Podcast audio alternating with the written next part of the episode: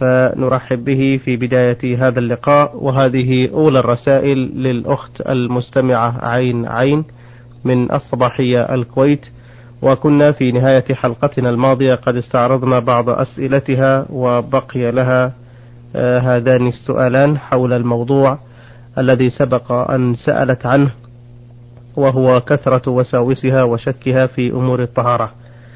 آه، سؤالها هذا تقول فيه عندما أغسل ملابس أطفالي المتنجسة يقطر على ملابسي من ماء الغسيل. فما حكم هذه القطرات؟ هل تنجس ملابسي ويجب علي أن أبدلها عند الصلاة؟ وكذلك أيضا ما الحكم في مقابض الأبواب التي يلمسها الأطفال وأيديهم نجسة؟ ثم تنشف بعد ذلك عن طريق الهواء. هل إذا لمست باليد المبلولة تنجس اليد أم لا؟ بسم الله الرحمن الرحيم الحمد لله رب العالمين وأصلي وأسلم على نبينا محمد وعلى آله وأصحابه أجمعين. جواب السؤال الأول وهو أنه يقطر عليها قطرات عند غسيل النجس من ثياب أولادها. هو أن نقول هذه القطرات إن كانت قبل طهارة الثياب فإنها تنجس ما أصابته لأن المحل لم يطهر بعد وهذه القطرات تكون نجسة لانفصالها عن محل النجس. وأما إذا كان هذا بعد الطهارة بعد طهارة هذه الثياب فإنه لا يضرها إذا تساقط شيء منها على ثيابها.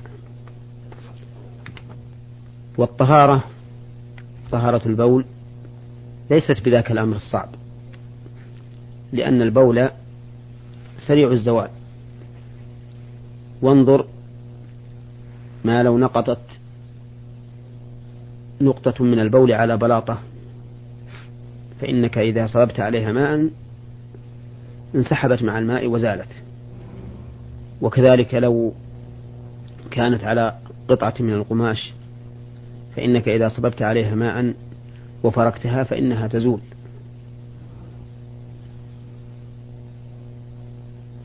فعلى كل حال إذا كانت هذه النقط بعد أن طهرت الثياب فإنها لا تؤثر شيئا وإن كانت قبل أن تطهر فإنها تكون نجسة ويجب غسل ما أصابته. أما بالنسبة للسؤال الثاني وهو أن الأطفال يلمسون مقابض الأبواب وأيديهم نجسة. فإننا نقول ما الذي أدراها أن أيدي الأطفال نجسة؟ فما دامت لا تعلم علم اليقين أن هذه الأيدي تلوثت بالنجاسة فإن الأصل الطهارة. ولا نحكم بنجاسة الأولاد إذا لم نعلم أنهم تلوثوا بالنجاسة.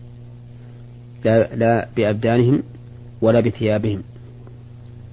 نعم إذا تيقنا أن الطفل مس هذا المقبض وتلوث هذا المقبض بنجاسته فإنه لا بد من غسل هذا المقبض بالماء. ويرى بعض أهل العلم, أهل العلم أن الشيء الصقيل إذا مسح مسحا تاما حتى زال أثر النجاسة فإنها فإنه يطهر. والمهم أننا إذا تيقنا أن أيدي الصبي نجسة وأن مقبض الباب تلوث بها فإنه لا بد من إزالة هذه النجاسة التي تلوث بها هذا المقبض. وإلا فالأصل الطهارة. آه، سؤالها الأخير تقول هذه الحالة التي أنا عليها مضى عليها خمس سنوات تقريبا وأحاول أن أتخلص منها ولكن ليس لدي طريقة صحيحة للتخلص. وأخيرا خطر على بالي أن أحلف بالله ألا أغسل يدي مثلا أكثر من ثلاث مرات. ولكني أشك بعد ذلك أنها لم تطهر فأغسلها مرة أخرى. وقد تكرر ذلك مني كثيرا. أحلف على ألا أغسل العضو أكثر من آه، عدد معين ولكني أغسله مرة أخرى. فهل علي كفارة مع كوني لا أحصي عدد المرات؟ التي حلفت فيها لأنها كثيرة بل هي في كل مرة يحصل لي ذلك وهل تكفي كفارة واحدة أم بعدد الأيمان مع أنني كما قلت لا أحصي عددها ولكن الغرض منها واحد؟ الجواب على هذا من وجهين. نعم. الوجه الأول أنه لا ينبغي للإنسان أن يحلف على ترك معصية من المعاصي أو على فعل واجب من الواجبات. فإن هذا مما نهى الله عنه. قال الله تعالى وأقسموا بالله جهة أيمانهم لئن أمرتهم لا يخرجون. قل لا تقسموا طاعة معروفة. والله خبير بما تعملون. فالذي ينبغي للإنسان أن يستعين الله عز وجل على فعل الطاعات وترك المحرمات بدون أن يحلف بل يمرن نفسه على قبول أمر الله ورسوله فعلا للمأمور وتركا للمحظور بدون إلزام بالقسم. وأما الوجه الثاني فإن هذه المرأة التي حلفت ألا تصل يديها أكثر مما ينبغي أن تصلها ثم فعلت وتكرر ذلك منها فإنه يجب عليها كفارة يمين. وما دام الفعل جنسا واحدا فإنها تكتفي بكفارة واحدة. وكفارة اليمين هي كما ذكرها الله عز وجل. فكفارته إطعام عشرة مساكين من أوسط ما تطعمون أهليكم أو كسوتهم أو تحرير رقبة. فمن لم يجد فصيام ثلاثة أيام. وإطعام المساكين يكون على وجهين. أحدهما أن يغديهم أو يعشيهم. بأن يصنع طعاما فيدعو إليه عشرة من الفقراء يأكلون. والثاني أن يفرق عليهم حبا من بر أو رز والرز في وقتنا هذا هو أوسط ما نطعم أهلينا فيكون أولى من غيره ف ومقداره حسب ما حررته بالأصواع المعروفة في عامة هذه البلاد صاعان من الرز. ولكن ينبغي أن نضيف إلى هذا الطعام شيئا يؤدمه من لحم أو نحوه حتى يتم الإطعام. بارك الله فيكم. هذا السائل ألف عين خاء من الأردن إربد يقول في سؤاله الأول هل سماع القرآن عبر المذياع يوميا يغني عن قراءته؟ وهل أجر القارئ والمستمع سواء؟ هذا لا يغني عن قراءته لكن لا شك أن المستمع له أجر وأنه مشارك للقارئ في أجره ولهذا إذا مر القارئ بآية سجدة سجد هو والمستمع. نعم. ولكن أحيانا يكون الإنسان عنده كسل وتعب فيحب أن يسمع القرآن من غيره. فإذا رأى من نفسه أن استماعه من غيره أشد استحضارا وأقوى تدبرا وأنفع وأنفع لقلبه ففعله فلا حرج.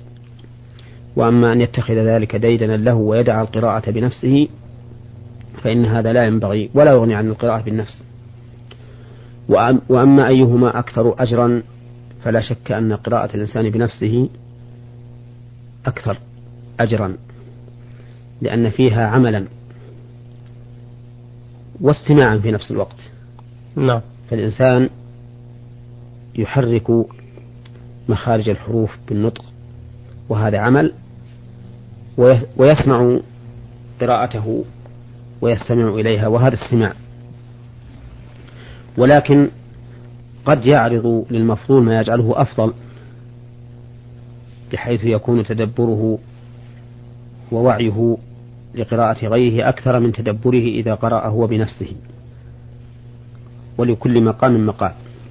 لكن بالنظر إلى العمل من حيث هو عمل فإن القراءة أفضل من الاستماع. أه السؤال الثاني يقول ما حكم من تأخر أو من أخر غسل الجنابة يوما أو أكثر بدون عذر؟ من أخر ذلك بدون عذر فإنه لا شك في إثمه وأنه فعل جرما عظيما حيث صلى بدون طهارة. والصلاة بدون طهارة من كبائر الذنوب حتى ذهب بعض أهل العلم إلى أنه يكفر بذلك لأن هذا من باب اتخاذ آيات الله هزوا. لكن المشهور عند جماهير أهل العلم أنه لا يكفر من صلى محدثا ولكنه قد فعل إثما عظيما والعياذ بالله. وعليه في مثل هذه الحال أن يتوب إلى ربه سبحانه وتعالى وأن يعيد الصلاة التي صلاها وعليه هذه وعليه الجنابة. لأنه صلى صلاة بغير طهور. وقد قال النبي عليه الصلاة والسلام لا يقبل الله صلاة بغير طهور. السؤال الأخير يقول بغير طهور. نعم. نعم. السؤال الأخير يقول فيه في بلادنا جمعية اليانصيب الخيري يرصد ريعها للفقراء والمحتاجين. وهي عبارة عن أرقام مختلفة تصدر بكمية كبيرة من الأوراق ذات الأرقام. وإذا جاء موعد السحب على هذه الأوراق فمنها ما يربح ومنها ما يخسر. فما حكم الإسلام في هذه الأوراق الرابحة حيث يقوم الشخص بشرائها بقيمة رمزية وقد تربح مبلغا كبيرا جدا وقد يخسر؟ وهل يجوز التصدق من هذه المبالغ التي كسبها على الفقراء والمعوزين؟ هذه العملية عملية محرمة في الإسلام. قرنها الله تعالى بالشرك وشرب الخمر لأنها من الميسر. قال الله تعالى يا أيها الذين آمنوا إنما الخمر والميسر والأنصاب والأزلام رجس من عمل الشيطان فاجتنبوه لعلكم تفلحون. فلا يجوز للمرء أن يقامر سواء كان بهذه الطريقة أم بطريقة أخرى غيرها لأن القمار ميسر بلا شك بلا شك والميسر محرم وهو كما سمع المستمع مقرون بالخمر والأنصاب والأزلام. والصدقة من هذا الربح الخبيث غير مقبولة لأنها صدقة من كسب خبيث محرم. وقد ثبت عن النبي صلى الله عليه وسلم أنه قال إن الله طيب لا يقبل إلا طيبا. ولكن من تاب إلى الله من هذا العمل وقد أخذ ربحا بهذه الطريقة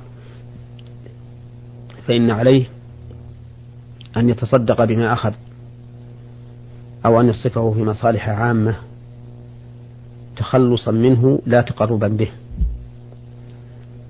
تخلصا منه لأنه لا طريقة إلى الخلاص إلا بهذا. وقد قال الله تعالى فاتقوا الله ما استطعتم. لا تقربا به لأنه لو تقرب به لتصدق به على أنه ملكه لا على أنه مخرجه من ملكه. وحينئذ لا تبرأ ذمته منه ولا يقبل منه لأنه كسب خبيث والله تعالى لا يقبل إلا طيبا. وأنا أنصح إخواني المسلمين وأوصيهم بما أوصى به الله عباده بتقوى الله سبحانه وتعالى وترك هذه المعاملات المبنية على الغرر والقمار بأي لون كانت وبأي اسم سميت فإن الحقائق لا لا تتغير باختلاف الصور ولا بالأسماء المزخرفة. وفيما أباح الله لنا من البيع والشراء والتأجير وغير ذلك من المعاملات فيه غنى عن هذه المعاملات المحرمة. آه، هل يجوز بناء مسجد من هذا أو إنشاء صدقة جارية من هذا الكسب؟ سبق أن قلت إنه إذا فعل ذلك تخلصا منه فلا حرج عليه. نعم. وتبرأ به ذمته لكن ليس له أجر من هذا العمل. إنما له أجر بالتخلص منه والتوبة منه. أما نفس ما يجري من العمل وانتفاع المسلمين به فإنه ليس له أجر به نعم. لأنه ليس من ماله. وأما إذا فعله على سبيل الصدقة لنفسه والتقرب به إلى الله فإن ذلك لا ينفعه لا يقربه إلى الله عز وجل ولا يتخلص به ولا تبرأ به ذمته. وأما باعتبار انتفاع المسلمين به فسينتفعون به. لكن صاحبه لا ينتفع به نعم. نعم. أحسن الله إليكم. هذا المستمع صاد ألف جيم من العراق محافظة الأنبار بعث بهذا السؤال. يقول أنا أعمل بعيدا عن بيتي وأسرتي وطبيعة عملي لا تسمح لي بالذهاب إلى البيت إلا مرة في الشهر.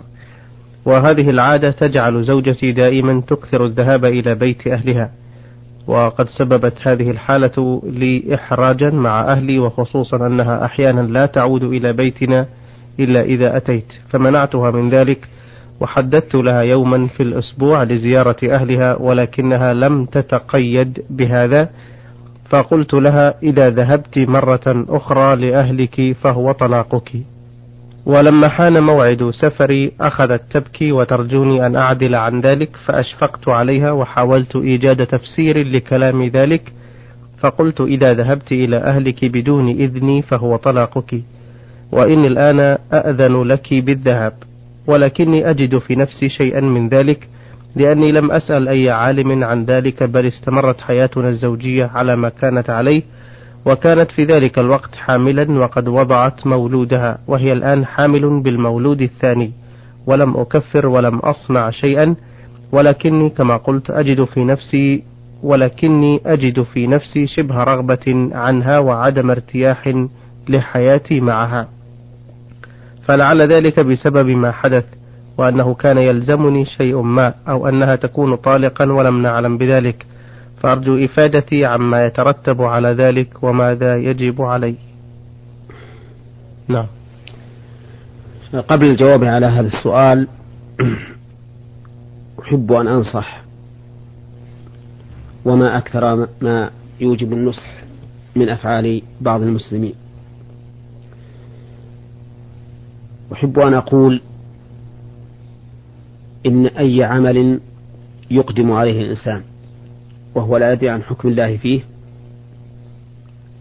فإنه على خطر فيه. والواجب على المؤمن إذا أراد أن يعمل عملا سواء كان عبادة أو معاملة أن لا يقدم على الشيء حتى يتبين له حكم الله فيه ليكون على بصيرة من أمره لا سيما في مثل هذه الأمور الخطرة أمور النكاح والطلاق. وكون الإنسان لا يتفطن للشيء إلا بعد أن يصاب بأمر يفسره بأنه بسبب مخالفته هذا أمر لا يليق بالمؤمن ولا ينبغي للحازم. فكان على هذا الأخ حين وقع منه ما وقع أن يسأل قبل أن يفسر الأمر بنفسه تفسيرا صادرا عن جهل. وأسأل الله أن يتوب علينا وعليه. أما بالنسبة لجواب سؤاله الخاص فإني أقول إذا كان هذا الرجل يريد بقوله لزوجته إن ذهبت إلى أهلك فأنت فهو طلاقك يريد بذلك تهديدها ومنعها من الذهاب إلى أهلها فإن هذا يعتبر في حكم اليمين. وله أن يعدل عنه ويكفر كفارة يمين. وهي عتق رقبة أو إطعام عشرة مساكين أو كسوتهم فمن لم يجد فصيام ثلاثة أيام. نعم. وأما إذا كان قصده بقوله إن ذهبت إلى أهلك فهو طلاقك. قصده وقوع الطلاق. بحيث يشعر بنفسه أنها إذا عصت وخالفت فإنه لا يرغب أن تبقى زوجة له. فإن مثل هذا يقع به الطلاق إذا خرجت إلى أهلها. ولا يمكنه العدول عن هذا التعليق. لا يمكنه أن يزيد شرطا فيه أو أن يلغيه بالكلية. فيكون قوله الأخير إن ذهبت إلى أهلك بغير إذني فهو طلاقك غير معتبر. لأنه بالتعليق الأول ثبت الحكم وهو الطلاق المعلق على هذا الفعل فلا يمكن أن يزاد فيه أو ينقص منه أو يلغى بالكلية. وعلى هذا فإنها إذا ذهبت إلى أهلها تكون طالقا بذهابها إلى أهلها وإذا كان الطلاق رجعيا فإن له أن يراجعها ما دامت في العدة. نعم لو كان قد قصد من الأول. إن ذهبت إلى أهلك فهو طلاقك بغير إذن مني فإن النية تخصص العام ويكون ذلك تخصيصا فإذا خرجت بإذنه فلا حرج عليهما. نعم. بارك الله فيكم. أه السؤال التالي من المستمع من جمهورية مصر العربية رمز لاسمه بالحرفين عين غين. يقول كنت أعمل في العراق في إحدى الشركات لتوزيع بعض المنتجات الغذائية وقد أتيحت لي الفرصة لزيادة دخلي ولكن عن طريق عن طريق غير مشروع وذلك بأن أزيد في قيمة البضاعة على المشتري وهذه الزيادة آخذها أنا وأعطي الشركة القيمة المحددة. وقد بقيت عدة أشهر على هذا الحال إلى أن تكون عندي مبلغ لا بأس به. ولكني غير مرتاح لذلك الدخل وضميري يؤنبني بشدة. وقد عدت إلى بلدي مصر بعد أن تبت إلى الله توبة نصوحا. وبعد عودتي طلب والداي مني أن أؤمن لهما الإركاب إلى المشاعر المقدسة للحج وذلك وكذلك نفقة الحج والزيارة. وقد وجدت صعوبة بالغة في رفض طلبهما وحياء من كشف الحقيقة لهما.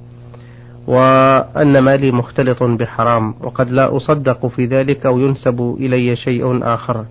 فهل يجوز لي تلبية طلبهما ذلك؟ وماذا يجب علي فيما ذكرت؟ يظهر لنا من سؤاله أن الرجل عرف أنه قد فعل محرما وأنه تاب إلى الله سبحانه وتعالى. نعم. ولكن هذه التوبة متعلقة بحق المخلوق. والتوبة المتعلقة بحق المخلوق لا تكون نصوحا حتى يؤدي إلى المخلوق حقه. وعلى هذا فيجب عليك أن تبحث عن أولئك النفر الذين أخذت منهم زيادة على ما قدرته الشركة وتدفع تدفع إليهم هذه الزيادة لأنك أخذتها بغير حق. فإن كنت لا تعرفهم الآن ولا يمكنك معرفتهم فإنه يجب عليك أن تتصدق بقدر ما أخذت تخلصا منه لا تقربا به إلى الله عز وجل. وبذلك تبرأ ذمتك وتخلص من هذا الذنب في حياتك. ونسأل الله لنا ولكم التوفيق جزاكم الله خيرا. آه هذه السائلة حميدة سالم محمد من ليبيا بنغازي.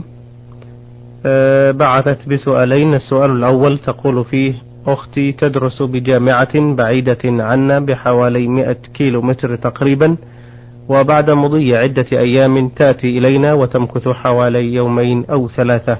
فهل يجوز لها قصر الصلاة في هذه المدة؟ في هذه المدة التي ترجع بها إليكم لا يجوز لها أن تقصر الصلاة وذلك لأنها رجعت إلى وطنها. والمسافر إذا رجع إلى وطنه يجب عليه إتمام الصلاة حتى وإن كان لا يمكث فيه إلا أيام يسيرة لأنه عاد إلى الأصل. وأما إذا كان الإنسان مسافرا فإنه يجوز له أن يقصر الصلاة. وعلى هذا فيلزم أختك إذا رجعت إليكم يلزمها أن تصلي صلاة تامة غير مقصورة. السؤال الثاني تقول أخبرتني إحدى صديقاتي أنها كانت صائمة قضاء وقد فوجئت بضيوف في منزلها ومن باب المجاملة أرادت أن تفطر لتشاركهم في الأكل والشرب. فسألتني عن ذلك فأجبتها بأن ذلك جائز وأن الرسول صلى الله عليه وسلم كان يأتي إلى إحدى زوجاته وهو صائم فيسألها إن كان لديها طعام أفطر وأكل معها وإلا واصل صيامه. فهل هذا صحيح؟ وهل يجوز للصائم قضاء إذا حصل ما يجعله يفطر أن يفطر أم لا؟ هذا القضاء إذا كان قضاء عن واجب كقضاء رمضان فإنه لا يجوز لأحد أن يفطر إلا لضرورة. وأما فطره لنزول الضيف به فإنه حرام ولا يجوز لأن القاعدة الشرعية أن كل من شرع في واجب فإنه يجب عليه إتمامه. وأما إذا كان قضاء نفل فإنه لا يلزمها أن تتمه لأن الأصل ليس بواجب فالقضاء ليس بواجب. فعلى هذا إذا كان الإنسان صائما صيام نفل وحصل له ما يقتضي الفطر فإنه يفطر. وهذا هو, هو الذي ورد عن النبي صلى الله عليه وسلم في أنه جاء إلى أم المؤمنين عائشة رضي الله عنها فقال هل عندكم شيء؟ فقالت أهدي لنا حيث فقال أرنيه فلقد أصبحت صائما. فأكل منه صلى الله عليه وسلم. وهذا في النفل وليس في الفرض لكن أنا أنصحك أن لا تفتي بشيء إلا وأنت تعلمينه. لأن الإفتاء معناها القول على الله. والقول على الله بغير علم محرم. كما قال الله تعالى ولا تقف ما ليس لك به علم إن السمع والبصر والفؤاد كل أولئك كان عنه مسؤولا. وقال سبحانه وتعالى قل إنما حرم ربي الفواحش ما ظهر منها وما بطن والإثم والبغي بغير الحق. وأن تشركوا بالله ما لم ينزل به سلطانا وأن تقولوا على الله ما لا تعلمون. فلا يحل لأحد أن يفتي غيره إلا عن علم. جزاكم الله خيرا. آه، أيها الإخوة الأعزاء في حلقتنا اليوم استعرضنا رسائل الإخوة الأخت عين عين من الصباحية الكويت والأخ ألف عين